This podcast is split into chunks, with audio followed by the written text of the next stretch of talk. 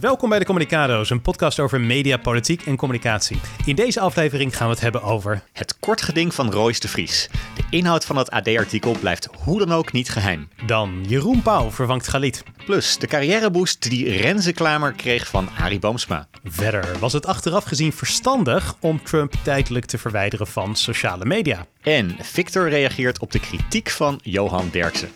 Als je deze podcast leuk vindt, klik dan op volgen en laat een recensie achter op Apple Podcasts. Laten we snel beginnen, want ook deze keer hebben we weer een hele leuke show.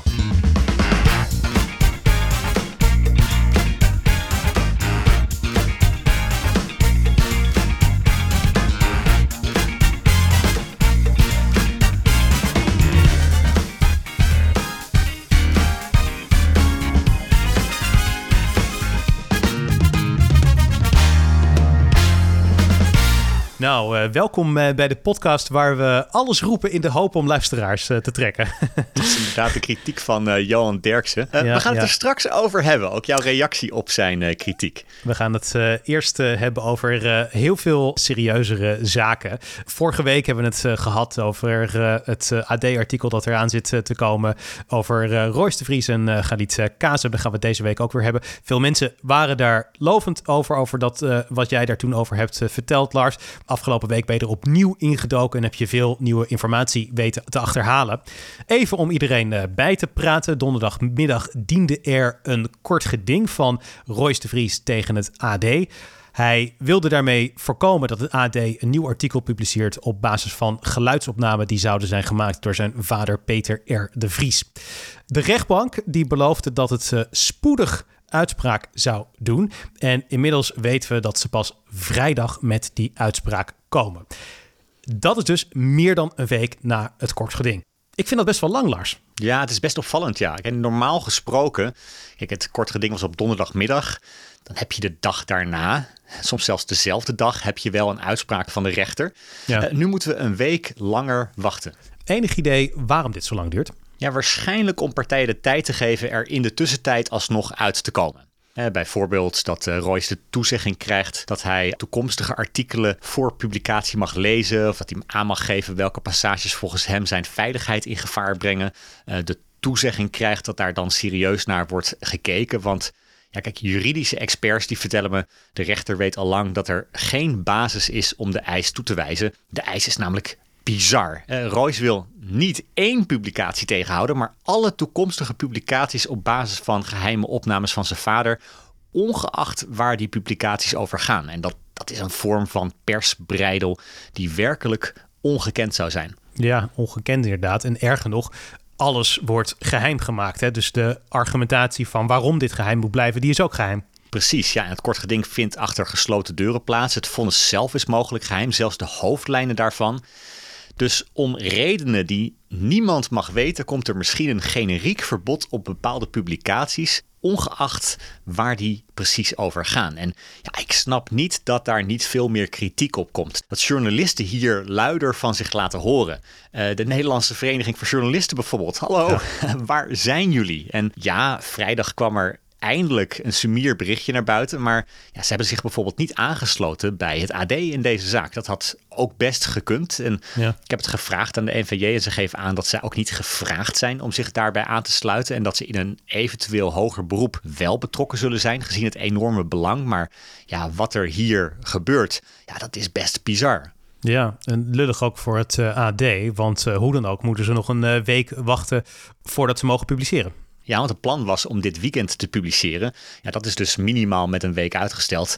Tegelijkertijd denk ik, uh, hoe langer de anticipatie, hoe groter de interesse. Ja. Elke week dat je de publicatie uitstelt, plat gezegd, heb je er honderdduizend lezers bij voor zo'n uh, artikel. Dat zag je eerder natuurlijk ook wel bij het artikel van de Volkskrant over Matthijs van Nieuwkerk. Dat ging al maanden rond. Hè. Dus al maanden gingen de geruchten daarover rond. En ja, toen het eenmaal online stond, wilde ook wel iedereen het lezen. Ja, zeker ja.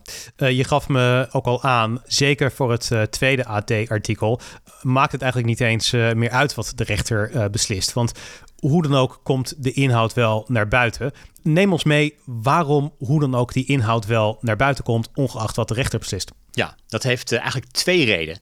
De eerste reden, het AD heeft niet zomaar haar bron in de hand. Zij zijn niet de baas over de bron. En we weten niet precies wie de bron van de opname is. De bron noemt zichzelf de Drie Musketiers. Ja. Nou, dat kan een kinderachtig grapje zijn. Het kan ook zomaar iets zeggen over hoe de bron wat cynisch kijkt naar het drietal Galit, Royce en Peter R. de Vries. Drie mannen die boven alles en ondanks alles loyaal zijn aan elkaar, die zich publiekelijk profileren als onverschrokken strijders voor rechtvaardigheid. Eén voor allen, allen voor één. Ik heb ook voorbij horen komen dat het mogelijk refereert aan uh, mensen uh, zoals uh, Onno de Jong, Peter Schout en Peter R. de Vries, die zich met z'n drieën ook gezamenlijk de drie musketiers noemden. Zou ook inderdaad een rol kunnen spelen. Hoe dan ook weten we dat, kijk, die bron een motief had om met deze informatie naar buiten te komen. Want ja, ja of het nou legitiem was of niet, Zulke opnamen lek je niet zomaar. En stel nou hè, dat de rechter het AD verbiedt om iets te doen met deze opname. Zou zo'n bron die heel graag wil dat deze informatie naar buiten komt, dan denken: jeetje, jammer, helaas. of denkt die bron nou, ja, ik kan het ook op een andere manier lekken. Aan geen stijl doorsturen, op X plaatsen, ja. in een of andere telegramgroep uh, zetten. Uh, iemand kan die uh, opname ook gewoon integraal op het internet knallen. En er zijn meer dan genoeg manieren om dat anoniem te doen. En misschien wel goed om te realiseren dat in de vorige podcast noemden we de geheime opname bij Joram van der Sloot. En dit is echt een hele andere situatie, want toen had Peter die tape. En als de rechter nou publicatie had verboden, dan was het best lastig geweest om ze op een andere manier te lekken. Je weet altijd wie de bron is uh, van die tapes, namelijk uh, Peter R. Of iemand om hem heen. Maar dat is dus hier niet het geval, zeg jij. Nee, want we weten niet wie de bron is. En Daardoor is het dus ook ontzettend lastig om die bron het zwijgen op te leggen. Wat dat betreft zou een eventuele overwinning ook heel goed een Pyrrhus-overwinning kunnen worden. Want van AD-verslaggevers Jelle Tieleman, Giel Timmermans, weet je nog dat ze uiterst zorgvuldig te werk gaan. En het is natuurlijk maar de vraag hoe een ander omgaat met dit bronmateriaal. Zeker, ja. Ja, uh, oké. dus dat is één uh, reden waarom de inhoud uh, naar buiten komt. er is nog een tweede reden. Je vertelde mij ook van, er zijn inmiddels best wel veel mensen die weten wat er in dat artikel staat. Ja, de geest is uit de fles. Er zijn gewoon best wel veel mensen die weten wat in het artikel staat. Anderhalve week geleden is er al om wederhoor gevraagd voor het artikel. En dat was ook precies de reden dat Royce en Galit wisten dat er een artikel aan zat te komen. Maar er is aan veel meer partijen om wederhoor gevraagd. En als je bijvoorbeeld het eerste artikel bekijkt, dan zie je onderaan allemaal reacties van partijen die hebben gereageerd. Uh, Galit, Royce, maar ook de oude werkgever van Galit Kasem, uh, eh, BNN-Vara heeft erop gereageerd. Dienst Justitiële Inrichtingen, het OM. Een hele lange lijst. We weten ook dat voor het tweede artikel passages zijn voorgelegd aan meerdere partijen. En van één partij weten wij zeker dat ze om een reactie zijn gevraagd, BNN-Vara. En wat interessant is, is dat op basis van die wederhoorvragen ze bij BNN-Vara vrij aardig weten wat de strekking zal zijn van het tweede AD-artikel. Ja, want in, dus, bij wederhoorvragen, daar wordt uh, gevraagd van wij uh, komen met dit. Wij denken dat dit er aan de hand is. Hoe kijken jullie daar tegenaan? En zo weet je dus als BNN-Vara zijnde, ah, dit staat erin. Klopt. En wat dan fascinerend is, is dat toen BNN-Vara bijvoorbeeld afgelopen vrijdag het persbericht uitstuurde over Jeroen Pauw als vervanger van Galit Kazem, daar gaan we het straks ook over, uh, over hebben, toen wisten ze dus veel dingen over het komende AD-artikel die het grote publiek op dit moment nog niet weet. Ja, precies. Dat is heel interessant. Ja, dat is echt heel interessant. Zij weten echt aanzienlijk, aanzienlijk meer dan iedereen. Klopt. En de vraag is natuurlijk, waarom weten ze dat? Hè? Van, waarom wordt BNN-Vara gevraagd om een reactie op dit artikel? Nou, dat is omdat het artikel over hun eigen presentator gaat. Het tweede AD-artikel gaat niet over Royce Vries. Dat artikel gaat over Galit Kazem. Dat wisten wij vorige week en het is inmiddels ook in de media bevestigd. Dat, dat is de focus van het artikel dat is wel interessant, want als het over Galit Kazem gaat, dat artikel, uh, dan is uiteraard de vraag: waarom is Royce de Vries dan degene die het kort geding aanspant? Waarom is hij bang voor zijn veiligheid? Want dat is het argument wat hij in de rechtszaal aanvoert. Ja, en, en, iedereen met enig deductief vermogen kan direct bedenken in welke hoek die dreiging zit. Uh, dat, dat, heeft natuurlijk alles te maken met uh, Ridouan Taghi.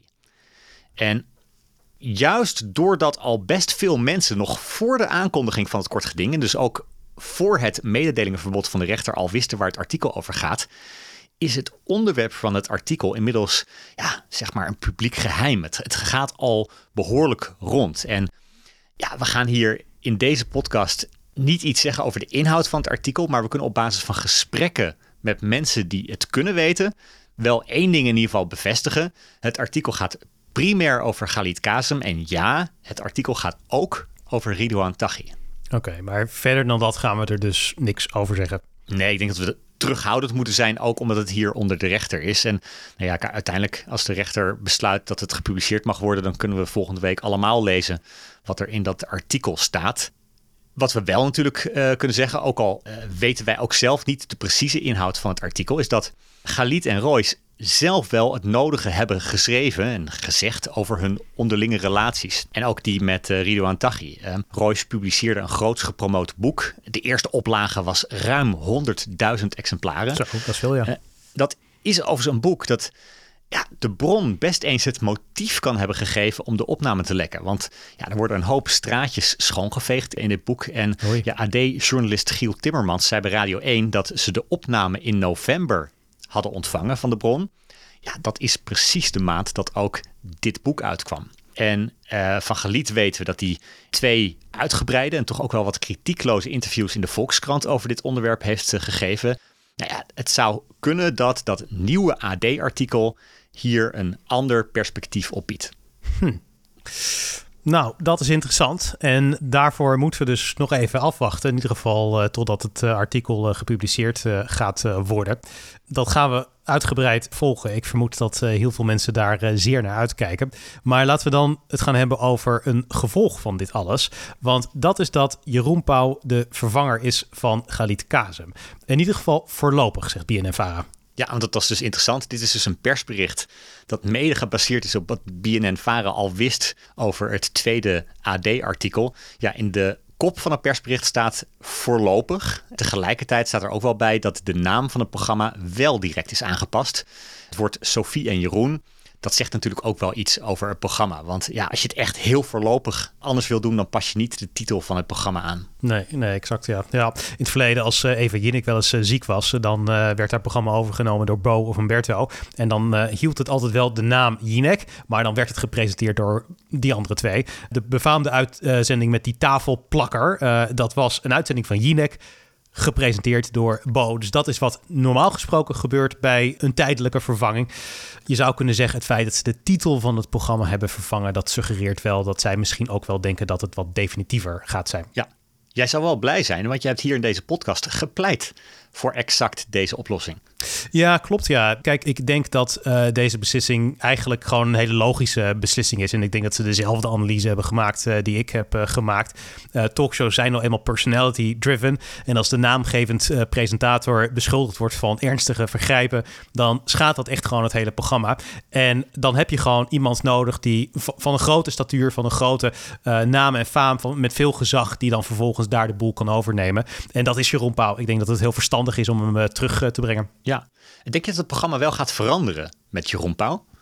Ja, dat denk ik wel, eerlijk gezegd. Uh, het is natuurlijk een programma wat veel kritiek heeft gekregen omdat het activistisch uh, links was.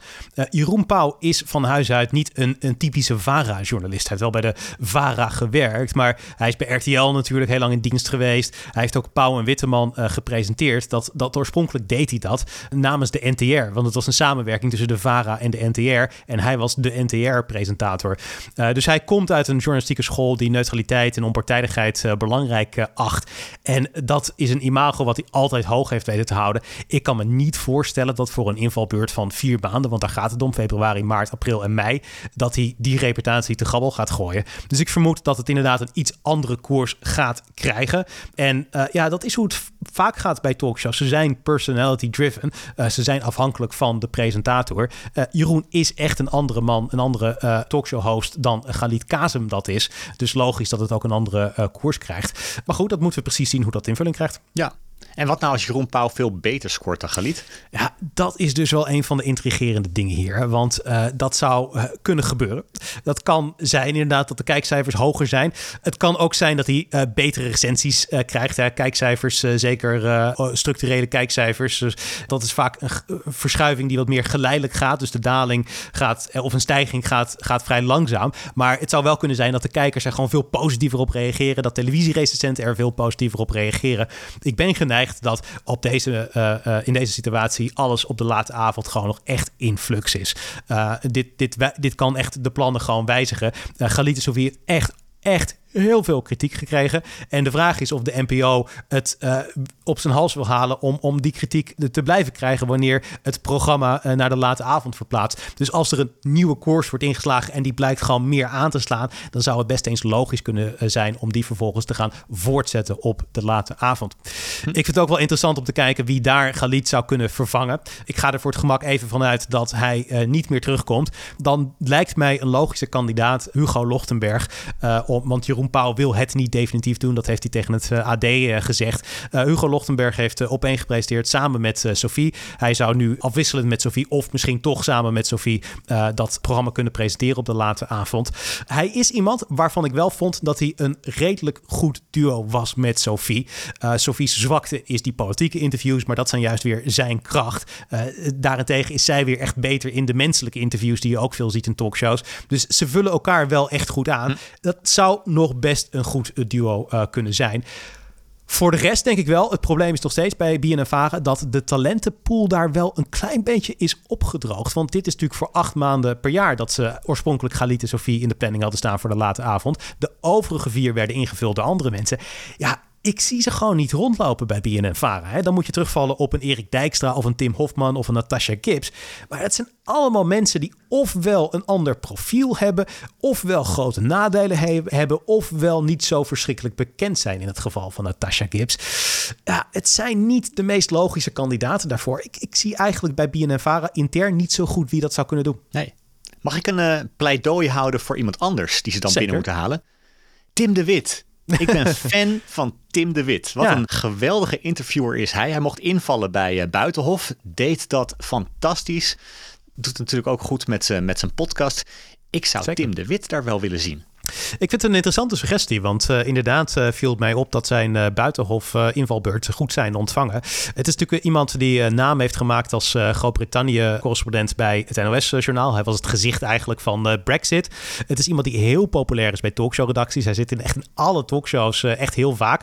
En hij kan tegelijkertijd serieuze onderwerpen doen, maar ook altijd smeuïge verhalen over het Britse Koningshuis met leuke details erbij. Daar houden talkshows natuurlijk altijd enorm van. Dus zowel de moeilijke dingen als de makkelijke dingen kant in. Dus misschien is dat uh, inderdaad een hele goede uh, optie, ja. Ja, misschien nog één ding over Galit Kazem dan. Want ik denk toch dat ze zich bij en Vara wel even achter de oren zullen krabben. Want kijk, ze kunnen nu zeker publiekelijk doen alsof ze volledig verrast zijn door de, door de ontwikkelingen. Maar van iemand die dicht bij het vuur zit, begrijp ik dat uh, en Vara in 2020 en dat is dus los van alle mediapublicaties destijds in de Telegraaf en het AD.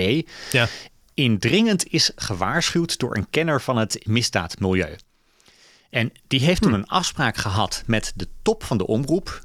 En de strekking was toch wel: dit is wat we allemaal weten.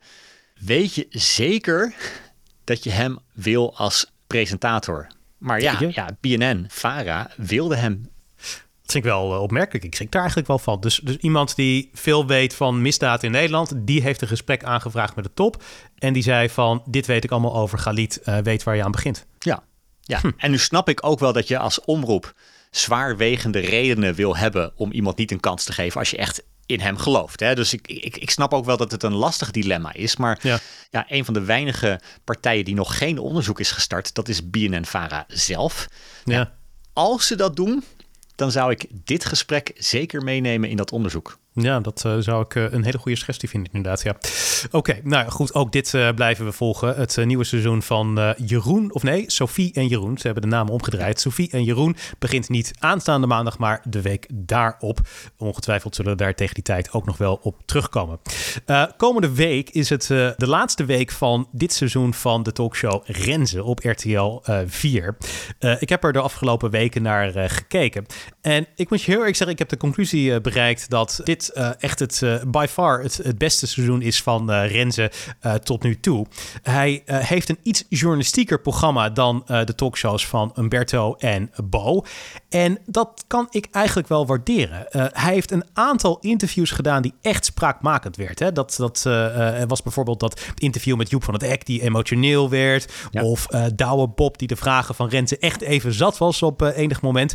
Maar vooral het interview met Arie Boomsma heeft echt ontzettend veel uh, losgemaakt. En ik denk eigenlijk dat het voor uh, Renze, als ik het zo analyseer, gewoon echt hele slimme marketing is geweest. Dit heeft zijn imago echt heel veel goed gedaan. Uh, want uh, Arie Boomsma bleef maar pleiten voor het innemen van allerlei voedingssupplementen. En Renze wierp hem tegen dat er gewoon wetenschappers zijn die zeggen van ja, dit is helemaal niet nodig om die supplementen in te nemen. Mensen hebben dit niet nodig. En uh, hij kon echt heel goed omgaan met de weerlegging van Arie. Hij had ook steeds een, een was heel ad rem en had een goede reactie paraat. ja, ik vond dat echt een heel erg goed interview. Ik zie er overigens wel wat nuances in. maar ik vond het een, uitstekend uh, interview. Ik denk dat hij, dat echt goed heeft gedaan. En uh, ja, ik denk dat dat precies op het juiste moment komt van uh, RTL. voor RTL. Ik denk dat de vlag bij dat bedrijf inmiddels wel uitgaat. Je zou kunnen zeggen, hij is de echte plaatsvervanger van Eva Jinek. Hij is de nieuwe Eva Jinek. En dat is best wel bijzonder, want nog niet al te lang geleden werd hij binnengehaald om daar in het weekend te presenteren. door het vertrek van Eva kreeg hij natuurlijk veel kansen door de weeks. Nou ja, wat mij betreft zou hij eigenlijk de hoofdpresentator van die talkshow mogen worden. Uh, Bo en Umberto lijken die talkshow veel minder een prioriteit uh, te vinden dan Renze. Het is eigenlijk hartstikke logisch om hem gewoon dat podium te geven. Oké, en uh, is hij er al of uh, moet er toch nog wel iets verbeteren of veranderen? Nou ja, er zijn wel wat dingen die ik zou kunnen verbeteren. Ik denk ten eerste dat er zijn twee dingen dan uh, die ik even concreet wil aanhalen. Ten eerste denk ik zo dat RTL echt tekort schiet bij het bekender maken van Renze. Ik zat laatst bij de kapper, Lars, en mijn kapper weet wie Bo en Umberto zijn. Maar Renze kent ze alleen als de jongen die een talkshow heeft op RTL 4. ja, wacht even. Dus, ik, ik wist dat je hier gewoon elke week tijdens de podcast over talkshows praat, maar jij gaat naar de kapper en waar heb je het over? Over talkshows. Ja, maar je moet af en toe even kijken hoe mensen die niet in dat wereldje zitten er allemaal naar kijken. Dat is wel goed voor je perspectief uh, soms. Ik heb het ook over andere dingen met mijn kapper hoor, maar dit kwam uh, toevallig uh, ter sprake. Maar het geeft gewoon aan dat, dat ja, de naamsbekendheid van Renze is nog echt heel erg laag. En ik denk dat daar een kans ligt voor RTL 4 om dat echt op te vijzelen. je kunt hem bijvoorbeeld laten opdraven in RTL Boulevard om een keer over een van zijn favoriete series te praten die een nieuw seizoen krijgt. Laat hem daar aan de desk staan. Laat hem gewoon een paar minuten helemaal losgaan op zijn uh, favoriete serie. Uh, dat is een goede manier om hem bekend te maken bij een ander publiek. Je kunt hem ook het gezicht maken van de Amerikaanse verkiezingen. Er komen natuurlijk heel veel uitzendingen aan over dat onderwerp. Vaak in samenwerking met RTL Nieuws. Nou, maak hem daar het gezicht van. Laat hem een korte docu maken, bijvoorbeeld in RTL. Als die, of in de zomer, als hij langs een paar swing states gaat in de VS. Dat zijn allemaal manieren om hem wat meer profiel te geven. Om wat meer zichtbaarheid uh, te geven. het enige wat ik overigens niet zou doen, is hem om als BN'er te laten fungeren in allerlei panelprogramma's. Hè? Een beetje wat Leonie ter Braak nu uh, doet uh, in echte uh, al talloze panels. dat, dat is meer entertainment. Je wil wel zorgen dat hij een journalistiek profiel behoudt, want ik denk dat dat wel het sterkste is. Maar maak hem bekender. Dat zou mijn eerste suggestie zijn. tweede suggestie voor de talkshow is creëer je eigen pool aan gasten. Succesvolle talkshows hebben één ding gemeen en dat is dat ze altijd een eigen clubje aan vaste mensen hebben. De DWDD had dat, hè, met, met heel veel mensen, zoals bijvoorbeeld Mark Brie Huibrecht. Vandaag in Site heeft dat ook. Job Knoester behoort tot het meubilair van die talkshow. Dat soort mensen die geven je programma gewoon smoel. En Renze heeft dat niet echt. Uh, Veronica van Hoogdalem is bijvoorbeeld een vaste sidekick in dat programma, maar die is ook vaste sidekick bij Galite Sophie bijvoorbeeld. Dus dat is niet echt iemand van jouw clubje is op zich wel grappig, want heel vaak worden talkshows juist daarom bekritiseerd. Ik weet nog wel, de, de Wereld Draait Door. Ik kreeg al die uh, feedback steeds van hebben we weer Siewert daar zitten voor de zoveelste keer. Dus aan de ene kant krijg je veel kritiek als je steeds dezelfde gasten hebt, maar de kijker vindt het wel fijn. Ja, vooral omdat het herkenbaarheid uh, geeft aan het uh, programma. En het zijn vaak mensen die chemie hebben met uh, de presentator. Dat maakt het ook altijd wel leuk. Dus Mark Marie had chemie met Matthijs van Nieuwkerk. Job Knoester heeft verrassend genoeg ook chemie met de andere mensen bij Vandaag in Site. Dat werkt altijd wel. Dat is het, het voordeel van je eigen clubje ook weer creëren daar. Maar dat zou ze nog meer kunnen doen. In het verleden hebben ze daar volgens mij heel veel mensen gewoon van andere talkshows ook neergezet. Omdat Renze niet per se de star power had. en, en daarom dat ze dachten van, we gaan dat programma maar vol stoppen met allerlei bekende mensen. Nou, volgens mij zou je hem ook vooral zijn eigen mensen moeten laten vinden. Overigens, laatste punt hierbij. Angela de mhm. Jong was positief over dat interview met uh, Arie Boomsma. Nou, dat is al mooi voor Renze. Maar ook Wilfred Gené was dus positief. Eind vorig jaar, ergens in Vandaag in Site, uh, uh, heeft hij zich complimenteus uitgelaten over Renze Klamer. En Wilfred Gené die een compliment geeft aan een concurrerende talkshow. Nou, ik kan je vertellen, Lars, dat is voor het laatst gebeurd toen Pasen en Pinksteren op één dag vielen. Dat is echt extreem schaars. Oké, dus dit, dit was echt heel bijzonder. Ja, dit gebeurt zelden inderdaad. Maar het, het geeft volgens mij zijn ster is uh, reizende. Oké. Uh, laten we het hebben over heel wat anders. Peter Jan Rens. Die ik ja. vooral ken van uh, Geef Nooit Op, van de, van de Haribo-reclames. Uh, maar Haribo-reclames, ja. Hij was weer in het nieuws. Hij was in het nieuws. Ja, doet hij het of doet hij niet, uh, is terug. Ik zat het overigens van de week te kijken. Ik zag dat het vorige zomer was opgenomen. Weet je hoe ik dat zag? nee. Dat iedereen in het publiek korte mouwen en korte broeken aan had. Het buiten sneeuwt. Ja, precies. Het publiek was vrij prominent in beeld. Uh, dus iedereen was zeer zomers uh, gekleed. dus nou ja, goed. het is echt een opname die al een tijdje geleden dus is gedaan.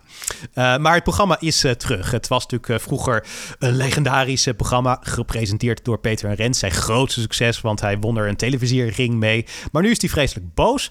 Want hij vindt dat hij recht heeft op een uh, vergoeding voor het opnieuw op uh, de buis brengen van dat uh, programma. hij noemt de producenten boeven. ze hij vindt dat zij hem geld verschuldigd zijn. En hij heeft zelfs aangifte gedaan voor diefstal van zijn format bij de politie.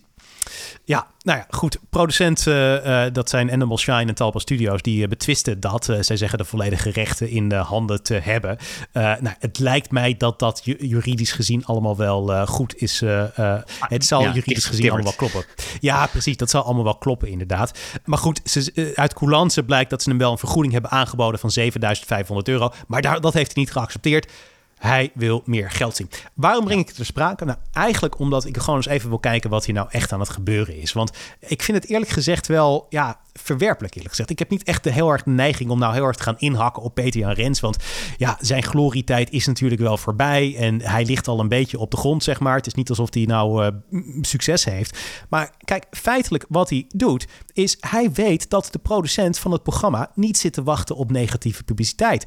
En daarom heeft hij in het uh, verleden gezegd: jongens, uh, geef mij geld. Dan ben ik tevreden en hou ik mijn mond. Als je me niet genoeg geld geeft, dan ga ik allerlei stennis schoppen in de media. Met als mogelijk gevolg dat het programma daar schade van ondervindt. En dat is natuurlijk voor de zender en voor de producent een grote kostenpost. Ja, want een heel ander geval uh, speelde natuurlijk bij Marble Mania. Toen naar buiten kwam dat uh, John de Mol geen geld had betaald aan de bedenkers eigenlijk van, het, uh, van al die knikkershows. Ja. Nou, dat waren twee hele lieve jongens die volgens mij inderdaad ook wel een beetje op een schandalige manier behandeld werden. Maar je zag wel dat het programma daardoor gewoon ja, altijd een beetje die bittere nasmaak hield. Ja, exact. Ja, precies. Het leidt gewoon imago-schade. En dat uh, betekent dat sommige mensen misschien denken van... nou, dan ga ik er toch niet uh, naar kijken. En uh, dat is wat Peter en Rens hier gebruikt. Hij weet dat er waarschijnlijk interesse is dat de, de, de entertainment media daar opduiken. En dat gebruikt hij, die bekendheid die hij nog heeft... gebruikt hij om eigenlijk gewoon feitelijk geld af te troggelen. Ja, ik vind dat echt bizar veel op chantage lijken, eerlijk gezegd. Dat is de reden waarom ik het gewoon verwerpelijk vind. Ik vind het echt verwerpelijk gedrag. Uh, ja, dit, dit moet je volgens mij echt niet doen. Nee. Ik zie het in Amerika wel eens, hè, dat mensen dus uh, heel veel stennis schoppen over iets wat bij een bedrijf gebeurd is op de sociale media en zo. En dan hopen ze toch dat ze uiteindelijk wat geld meekrijgen uh, om, om hun mond te houden. Ja. ja, precies. Ja. Ja. ja, en de rechten zal wel goed afgedekt zijn. Uh, ik bedoel, hij zal het mede ontwikkeld hebben. Maar ja, als dat in werktijd is gebeurd, ja, dan is het natuurlijk niet gek dat uh, de rechten bij de baas liggen. Hè? Als je als uh, werknemer iets in de tijd van de baas ontwikkelt, dan is het van de baas. je, je, je, wordt al betaald voor jouw tijd, zeg maar. Ja, nogmaals, ik vind de argumentatie van Peter en Rens hier niet sterk. Oké. Dan is er nog één ding wat jou opviel deze week. Ja, ja, klopt. Ja. Nou ja, het is een beetje een groot mysterie. Het programma uh, Winter vol Liefde. Waarom in hemelsnaam dat uh, op de buis is gekomen. Het was een succes, zeg ik erbij. Maar initieel was het eigenlijk een heel groot mysterie. Het was een winterse spin-off van het programma B&B uh, Vol Liefde. En uh, het kwam op het scherm al vrij snel na het einde van B&B Vol Liefde. En tot overmaat van ramp zou je kunnen zeggen... domineerden de liefdeskoppels uit dat programma... ook nog in oktober en november het nieuws. Ze zaten nog in allerlei programma's... waardoor gevoelsmatig Winter Vol Liefde wel heel erg snel kwam na B&B Vol Liefde. En in de podcast Content Wars wordt besproken met Ralf de Beurs, de creative director van RTL. Hij is de bedenker van het programma, hoe dat programma tot stand kwam. En ik vind het ook wel interessant, want liefdesseries in de winter scoren vaak helemaal niet goed. Dus ook om die reden zou je kunnen zeggen: dit is een super groot risico wat ze hier namen bij RTL. Eigenlijk zou je zeggen van, dit is een veel te groot risico. Want als dit flopt, kan het dat hele format ondermijnen... en is je, je zomerse programma B&B vol liefde ook naar de knoppen. Allemaal door één slechte variant. Dus het is echt een groot risico. Ik vind het op zich wel grappig. Dat in de zomer hebben we kennelijk meer behoefte aan liefde dan in de winter. Ja, dat is daar uh, Kirsten Jan van Nieuwenhuizen, die in die podcast ook zit, die uh, zegt dat uh, inderdaad. En hij zegt vooral dat liefdesprogramma's in een zomerse setting die scoren en niet in een winterse setting. Dus als mensen in een zwembroek rondlopen, scoort het. Als mensen in een dikke jas in de sneeuw rondlopen, scoort het volgens hem minder goed. Ja, nou ja, goed voor wat het waard is. Maar goed, waarom is er toch een winterse editie uh, gekomen? Het is overigens goed afgelopen. Het programma heeft super goed gescoord. Dus in dat opzicht is het risico iets wat uh, goed heeft uitgepakt uh, voor RTL. Maar die Ralf de Beurs, waar ik het net over had, die doet daar wel een leuk boekje over open. Hij zegt namelijk, hij legt uit, dat vind ik heel plausibel, dat door met de winterse editie te, te komen, kun je het format aan veel meer landen verkopen. Want ze moeten het op dit moment hebben van de koude landen. Want dat zijn de landen waarin mensen naar warme landen emigreren. Dat is de kern van wat B&B vol liefde is. Nederlanders die naar uh, Frankrijk of naar Italië gaan om daar een B&B te starten. En die zijn dan op zoek naar een partner. Maar ja, in Italië, mensen die daar wonen, die gaan niet naar de zon emigreren, want ze wonen al in een heel zonnig land. Dus door een winterse variant van het programma te bedenken, kan je het ook gaan verkopen aan Italië. Het format werkt ook in een andere setting dan alleen maar een zonnige setting. Eh, en daarmee kan je dus veel meer uh, het format exporteren. Je kan het veel meer verkopen naar andere landen en er dus ook veel meer geld aan verdienen. Uh, televisiemakers vinden het altijd leuk om te praten alsof het allemaal een ambacht is, maar het gaat natuurlijk echt om de knaken. En uh, hier kunnen ze heel veel meer geld mee verdienen. Dat is waarom Winter vol Liefde er is gekomen. Uiteindelijk draait alles om geld op de Alles, ja. Het is, ja, nee, we zijn lekker cynisch in deze podcast, dus absoluut alles draait om geld, Lars. Oké, nou ja, straks gaan we kijken naar jouw reactie op de kritiek van Johan Derksen. Maar Eerst is het tijd voor de tune van de week. Want elke week kies jij, Victor, een legendarische tv-tune uit jouw collectie... die volgens het Guinness Book of World Records maar liefst 78 dagen aan muziek bevat. Wat heb je meegenomen? Nou, ik dacht van, uh, omdat Jeroen Pauw weer uh, terugkomt als presentator van een dagelijkse talkshow is het logisch om zijn tune er even bij te pakken die gebruikt is in het tijdperk dat hij Pauw presenteerde. Dus van 2014 tot en met eind 2019.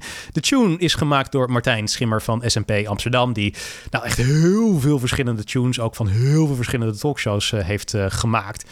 En uh, ik vind een leuke tune, omdat hij ook gewoon gevoelsmatig past bij de persoonlijkheid van de presentator. Want een goede talkshow heeft een tune die elementen van de persoonlijkheid van de presentator weet te vatten in muziek. Dat doet deze tune van Pauw. Ik ben benieuwd hoe jij er naar kijkt, maar hier komt hij, Lars.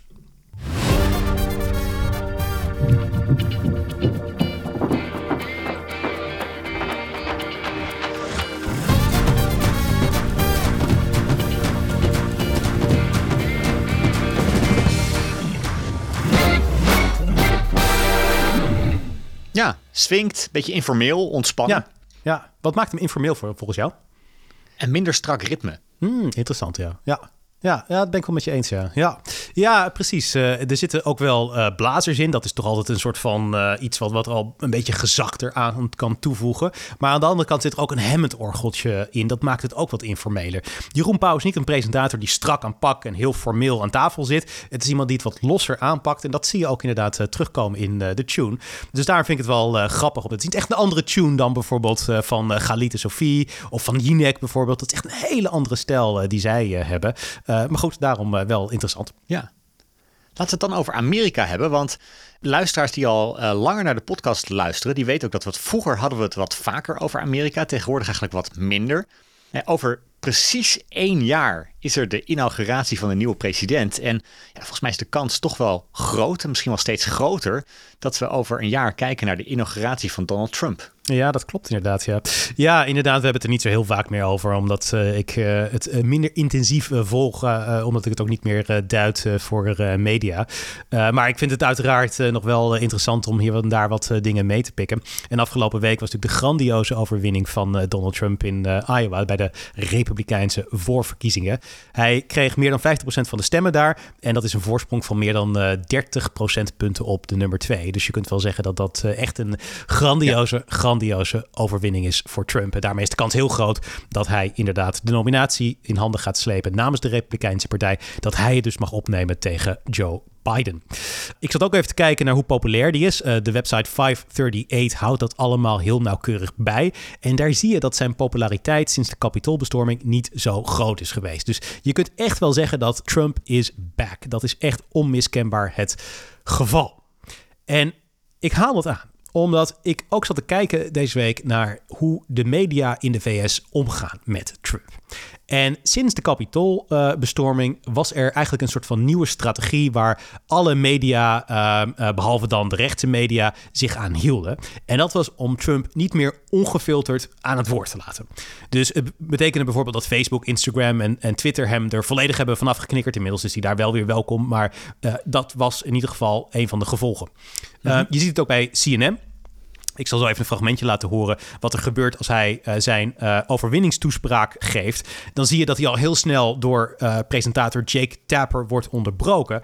En dat is echt heel anders dan acht jaar geleden. Want in 2016 ja, werden ze juist bekritiseerd, al die zenders. Omdat ze Trump eigenlijk gewoon eindeloos lang aan het woord hield, lieten. En niet alleen bij overwinningstoespraken, maar ook bij allerlei campagnespeeches die hij gewoon dag in dag uit in het land hield. Dus hij kreeg heel uitgebreid het woord juist omdat heel veel mensen het keken. Ja. Het was goed voor de, voor, voor de poen opnieuw. Ja. Uh, ja. ja. zeker, zeker. Dat is absoluut waar. Dat was, uh, het levert kijkcijfers op. Maar goed, die strategie is dus echt veranderd. Uh, het wordt ook wel de, de Deplatform Trump-strategie genoemd. En ik wil je even laten horen hoe zich dat uit op CNN op de avond van de verkiezingen in Iowa. En dan gaan we eens bespreken wat we hiervan vinden en of dit nou een effectieve strategie is geweest. Ik heb daar namelijk heel sterk mijn twijfels over. Maar hier komt wat er gebeurde. Country. I can't imagine why they think that's a good thing. Donald Trump declaring victory with a historically strong showing in the Iowa caucuses. If these numbers hold, the biggest victory for a non incumbent president in the modern era for this contest. A relatively subdued speech as these things go so far, although here he is right now under, under my voice. You hear him repeating his anti immigrant rhetoric. Yeah. Wat cynische verslaggeving hier. Ja. uh, hij het ook een beetje zat, hè, Jake Tapper. Die, uh, die, die denkt van, ik heb dit al tien jaar lang gezien. zeg eens wat nieuws, doe eens wat anders. en nu ja. weten we het wel. Ja, vooral die laatste opmerking. You hear him repeating his anti-immigrant rhetoric. Dat vind ik een wat zelf ingenomen toon hebben. Uh, waar ik echt een sterk het gevoel bij had van... Uh, ik zou niet op Trump stemmen... maar dit zou bij mij de kans groter maken om op Trump te stemmen. Ik, ik vind het echt heel zelf ingenomen. Ik vind dat, dat, dat echt altijd wel heel kwalijk als media. Ja, wordt er opstandig van, Victor. Opstandig. Ja, ja. ja nee, ik heb zoiets van als mensen... als ik iets niet mag horen, dan wil ik het meer horen. Dat is iets wat er diep in ja. zit bij mij. Dat is iets rebels inderdaad. Maar ik denk ook wel dat er meerdere mensen zitten. Dus ik zou dan denken van dit is niet de beste toon. Ja, het verboden maar, fruit effect. Hè? Dus ja. het, dan wil je het juist. ja precies. Maar ik, ik, ik denk gewoon die hele strategie van het, het niet of het filteren van Trump. Als je kijkt naar wat hij heeft bereikt de afgelopen week en hoe hij ervoor staat qua populariteit, volgens mij heeft dit compleet en totaal niet gewerkt. Het was totaal niet succesvol. Van al die sociale media afknikker heeft niet gewerkt. De manier waarop CNN en allerlei andere media ermee omgaan door hem niet meer het woord uh, te geven, uh, ongefilterd. Het heeft allemaal niet bijgedragen aan minder populariteit voor Trump. Deze strategie was niet succesvol. Ja, ja, ik kan wel zeggen dat het Trump niet minder populair heeft gemaakt. Maar uh, het doel was natuurlijk ook niet om Trump te beschadigen, denk ik. Maar om je eigen geloofwaardigheid hoog te houden.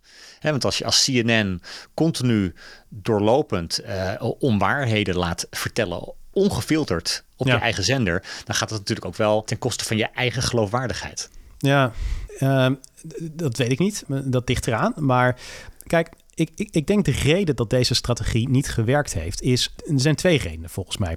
Uh, en één daarvan is dat. En dat vind ik een interessante theorie die ik ergens anders overigens uh, las.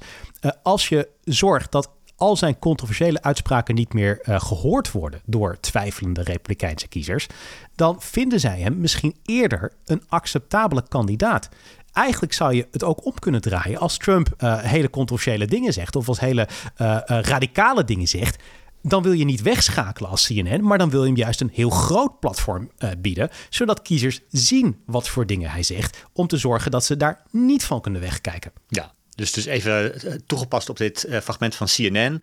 Stel nou dat hij uh, Mexicanen verkrachters noemt of wat dan ook, hè, zoals hij dat ja. eerder natuurlijk deed, dan kan je beter dat laten horen ongefilterd, zodat mensen weten dat hij dat soort dingen zegt, dan het parafraseren ja. tot anti-immigration rhetoric. Precies, ja. Want ik denk dat heel veel mensen denken van uh, anti-immigrant uh, rhetoric. Ja, ik uh, vind ook dat er minder immigranten moeten zijn. nou, dan ga ik maar op Trump stemmen. Dus ik denk inderdaad dat het Trump eerder acceptabel maakt voor heel veel mensen... dan dat het hem minder acceptabel maakt. En het tweede is, en dat, dat sluit een beetje aan op mijn reactie... die ik ook had bij dit fragment waar we het net over hadden. Ik denk dat dit heel erg de boodschap van Trump versterkt... dat de elite tegen hem is. die, die zelf ingenomen toon van, van Jake Tapper... ik denk dat hij bij veel mensen een soort van woede op opwekt. En dat helpt Trump alleen maar. Hij is tegen de elite. Dat is de kern van zijn verhaal. Daar is een grote voedingsbodem voor. Ja, als je hem uh, in hun ogen gaat censureren, hè, dat is hoe zij het misschien zien, dan kan dat er juist voor zorgen dat ze denken: ik moet zeker op Trump gaan stemmen. Ja. Ik ben wel voor de strategie van CNN om niet alles zomaar meer uit te zenden, maar bijvoorbeeld met iets van vertraging het uit te zenden, zodat het eventueel wel gefactcheckt kan worden. Of dat je het met context kan, kan bieden. Maar het denigerende toontje hoorde ik hier ook wel. En ik denk dat dat uiteindelijk niet de beste manier is om er verslag van te doen. Nee, nee precies. Nou ja, goed. In ieder geval, uh, we gaan het uh, ook uh, dat zien hoe dat zich allemaal uitspeelt het afgelopen, het komende jaar. laten we doorgaan naar Vraag het Fik en Lars, de rubriek waarin we elke week één vraag van een luisteraar beantwoorden. In deze onzekere tijden zijn wij jouw bron van wijsheid gratis en voor niks. Je kunt ons een vraag stellen door een mailtje te sturen naar vraaghetfik en lars@gmail.com. Dat mag een vraag zijn om advies, om onze mening of iets persoonlijks en zelfs impertinents. De vraag van deze week die komt van Lucas. En Lucas zegt: Ha mannen, deze week werd Victor hard aangepakt door Vandaag in Site. Hoe kijkt Victor naar de kritiek van Johan? En is zijn mening over het programma veranderd? Gegroet, Lucas. En ik moet het eerlijk toegeven, jij appte mij op een gegeven moment dat je bij eh, Vandaag in Site in beeld was. Toen heb ik direct even de televisie eh, een beetje teruggespoeld en gekeken. En ja, ik zag een foto van jou in beeld. Je naam werd meerdere keren genoemd en uh, als je het hebt over een gestrekt been. Nou, dat gestrekte been, dat kwam er wel. Hè? Johan Derksen maakte gehakt van jou. Ja, dat klopt. Ja, zeker. Ja, ja, ja, ja absoluut. Ja. ja, nee. En om de vraag van uh, Lucas uh, te beantwoorden. Uh, mijn mening over het programma is absoluut niet veranderd. Ik vind het een leuk programma om naar te kijken. Dat vond ik en dat vind ik. Ik heb ook zoiets dat als je kritiek levert, dan moet je ook kritiek kunnen ontvangen. we zijn in deze podcast natuurlijk heel vaak kritisch op heel veel verschillende mensen. En ja, wie kaatst kan de bal verwachten. Dus dan moet je niet gek opkijken dat uh, mensen ook jou een keer uh, bekritiseren. En uh, ja, kijk, jij bent natuurlijk ook niet zo van de subtiele kritiek. Hè? Dus van, van de mitsen, de maren, de nuances en grijstinten ja, als je er regelmatig met gestrekt been invliegt, dan moet je ook tegen kritiek kunnen. Jij opiniedwerg. Ja, ja precies. Nee, dat, dat denk ik ook absoluut. Ja, dat absoluut. Ja, ja en weet je, ik, als ik zo'n. Uh, het is natuurlijk wel een opmerkelijke ervaring om uh, gewoon op televisie te zien hoe ineens je foto in beeld verschijnt en dat mensen over je praten. Maar ik, ik probeer het ook heel rationeel te analyseren. Wat gebeurt er nou? Kijk, ik denk bij dit soort dingen ook van er zal wel vermoedelijk wat meer kritiek komen. Want kritiek komt vaak in bosjes. Dus als er één iemand kritisch is, dan, dan zijn er ook uh, andere mensen die zich daardoor gesterkt voelen en denken van, nou, ik heb ook nog wel een rekening te verheffen. Dus dat zal misschien gebeuren, ik weet het niet. Maar nogmaals, dat is allemaal ook iets wat erbij hoort. We zien het wel, misschien is sommige kritiek terecht. Nou, in dat geval zal ik erkennen dat die kritiek terecht is. In andere gevallen is het misschien niet terecht. We gaan het gewoon allemaal zien. En als je nou als communicatiestrateeg naar deze aanval kijkt, wat, wat vind je dan van de inhoudelijke aanval? Nou ja, Ik zat dus uh, inderdaad uh, te kijken en ik hoor Johan Derksen een verhaal uh, afsteken over mij. En ik, nou, ik ging toch wel even rechtop zitten en ik, ik zat er toch wel even naar te kijken. En ik voelde toch wel wat zweet opkomen. Maar op een gegeven moment wordt Johan Derksen ruw onderbroken. Dat, dat gebeurt sowieso al niet zo vaak, maar hij werd ruw onderbroken daar door Albert Verlinde. Die groot het podium pakt en helemaal losgaat op mij. En ik denk bij mezelf van oei, ben benieuwd wat hij gaat zeggen. En toen dacht ik, waar gaat hij het over hebben? Waar gaat hij mij op aanvallen? Hij gaat het hebben over het feit dat ik klein ben. Laat even dat luisteren. ik niet zo verschrikkelijk lang ben.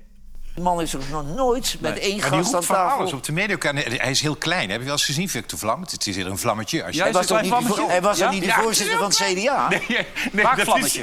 een Waakvlammetje. Waakvlammetje, ja. Het eh, ja, even. Maar het is met, echt met kleine vreselijk. mannen, met kleine mannen is niks mis. Wil ik Nee, nee, nee, Nee, nee, nee, maar nee, maar Wel wel eens een grote mond hebben natuurlijk. ja, ja. Oké. Moeten we het meetlid er even bij pakken, Victor? Ja. Wat staat er in je paspoort? Nou, ik ben 1,80 meter. Is niet zo klein. dat- nee, dat is niet zo klein. Dat is gewoon voor een Nederlandse man redelijk eh, gemiddeld. Ik dacht echt toen ik dit eh, zag op televisie, wat een blunder van Albert. Wat een enorme blunder. Kijk, ten eerste is het dus niet waar. Hè? Ik ben dus niet verschrikkelijk klein. Ik ben ja, eigenlijk gewoon zeer gemiddeld. Maar daarnaast, al was ik heel erg klein, is dat iets wat ook maar iemand in heel de wereld boeit? Ik denk het niet. Ik denk dat de meeste mensen die dat programma kijken, die, die zitten niet de hele dag op internet media nieuwtjes te volgen. Die, hebben een baan, die, die doen serieuze dingen. Dus die hebben nog nooit van mij gehoord inderdaad. En het eerste wat ze dan horen is, hij is klein. Ik denk dat heel veel mensen gewoon hun schouder ophaalden en dachten bij zichzelf: ja, dat boeit me echt niet zo verschrikkelijk veel. En daarom dacht ik van: dit is de minst schadelijke aanval die je ook maar op mij kunt plegen. Het is totaal niet boeiend. Nobody cares. En toen dacht ik bij mezelf: Goh, Albert, je gaat en je gaat en je gaat hier maar op door. Het, is, het blijft maar gaan over mijn lengte. Hè? Op een gegeven moment zit Raymond Mens daar live Albert te factchecken. Die, die merkt inderdaad fijntjes op dat het wel meevalt. Hè? Raymond en ik hebben elkaar vaak in levende lijven gezien. Nou, ik kan je vertellen, ik ben echt aanzienlijk langer dan hem. Hij komt ongeveer tot mijn navel. Niet dat dat uitmaakt, want er is niks mis met kleine mensen. Dat is mijn hele punt. Maar dat is ongeveer wel een beetje de verhouding waar het hier om gaat. Dus ik heb zoiets van: dit is volgens mij niet een hele sterke aanval. Als je live daar in de uitzending al wordt tegengesproken, niet slim, Albert. Niet slim. Hij is zijn scherpte kwijt. Albert is zijn scherpte Precies. kwijt. De dagen van de hoogtijdagen van RTL Boulevard, eh, tenminste de hoogtijdagen met RT van RTL Boulevard met Albert Vlinde, die liggen achter ons. Hij was zo ontzettend invloedrijk en machtig. Zijn tong was zo ontzettend scherp. Ik denk dat we de afgelopen tijd wel hebben gezien dat het een tikkeltje minder is geworden. Hij is nu ook bezig met politieke dingen en hij is weer verder gegaan in dat musicalwereldje van hem. Die showbizwereld, daar zit hij maar nog maar met één been in. En dat vertaalt zich in het feit dat hij toch niet meer zo scherp is als vroeger. Want dit was gewoon niet zo'n sterke aanval. En ik zal je nog wat vertellen, Lars. Ik denk dat Johan Derksen het hier volledig mee eens is. Ja, dat hij achteraf denkt van eh, we, we hadden beter een andere aanval kunnen plaatsen. Misschien gaan ze dat alsnog doen, zeg maar. Ja, dat weet ik niet natuurlijk. Maar eh, ja, Albert zit er niet zo heel vreselijk vaak. Dus ik weet niet of Albert nog een tweede kans krijgt. Maar goed, misschien wel. Oké. Ik vind wel dat je heel eh, emotioneel en bevlogen en, en fel reageert op zo'n niet-zeggende aanval, eh, Victor. ja, maar ja, ik ben dus stiekem heel blij dat ik deze aanval krijg. Want dit is toch een veel betere... Kijk, er zijn heel veel dingen die veel schadelijker zijn. Nogmaals, ik, ik was een beetje aan het zweten aan het begin. Ik denk van, oh jee, hoe gaat dit voor mij uitpakken? Ik was dolblij dat er een aanval kwam op mijn lengte. Graag twintig van dat soort aanvallen. Nou, dan ga ik je nog heel vaak opiniedwerg noemen. Ja, doe dat maar. Goed, dankjewel uh, Lucas voor jouw vraag. Uh, vraag het Fik en Lars gmail.com is het adres waar ook jij jouw vraag naar toe kunt sturen. Tot zover deze aflevering van de Communicado's. Als je het een leuke podcast vond, klik dan op volgen en schrijf direct een recensie in Apple Podcasts. Ik wens je een hele fijne week. Hoi hoi.